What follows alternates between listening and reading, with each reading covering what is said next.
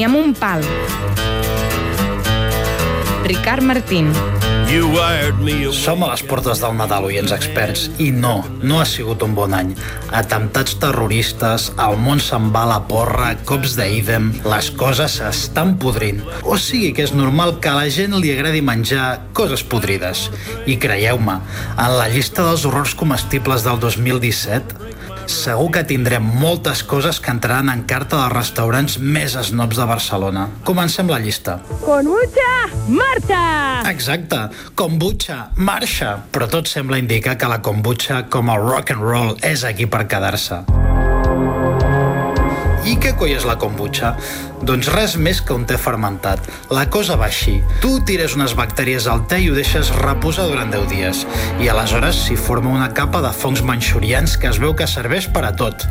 I que té una pinta que sembla la cosa de John Carpenter acumulant-se gelatinosa, semilíquida... A mi no me suenan peligrosos. Doncs sí que ho és. Si et poses a fer kombucha a casa, agafaràs un iuio gàstric terrible, perquè se n'ha de saber. Tampoc queda massa clar si allò que et venen envasat aquella cafeteria hipster té algun benefici pel teu aparell digestiu. Queda't amb el suc de taronja casolà, que encara que no fa massa bé, tampoc fa massa mal. I té bon gust. És clar que qui hagi menjat kombucha segur que farà un pas cap al cantó més fosc, el casu marzu. Caso Marzu. Concepte. Formatge il·legal. Aquest formatge de Sardenya, derivat del pecorino, té una cremositat inigualable. Se't fon a la boca. I com s'aconsegueix? Amb cucs hi posen larves de mosca del formatge i quan neixen els cucs, l'acció digestiva de l'insecte fa que es trenquin els greixos del formatge i que tot quedi tou i quasi líquid. Tots són avantatges. Si et menges i et cau un cuc viu a la boca, mastega'l, perquè si te l'empasses viu et pot parasitar l'intestí o et pot entrar a l'ull perquè aquests cucs tenen una capacitat per saltar 15 centímetres. I si t'estàs a punt de menjar formatge i veus que els cucs són morts, és que ja és tòxic. Això sí, sempre és indigest tant com aquesta cançó de Frank Zappa que estem escoltant, que es diu Cucs de l'infern. Us sembla repugnant? Bé, si això del cas Marzo no fos il·legal, a Barcelona ja tindríem un pop-up i un food truck d'això. I ara passem a... And now for something completely different. El tauró podrit.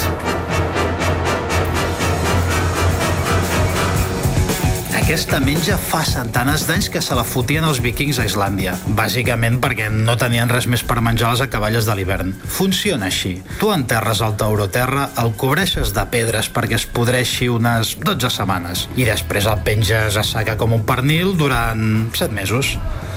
Fa olor de pipí i té gust de peix podrit. I sé de què parlo. L'he tastat. Ara bé,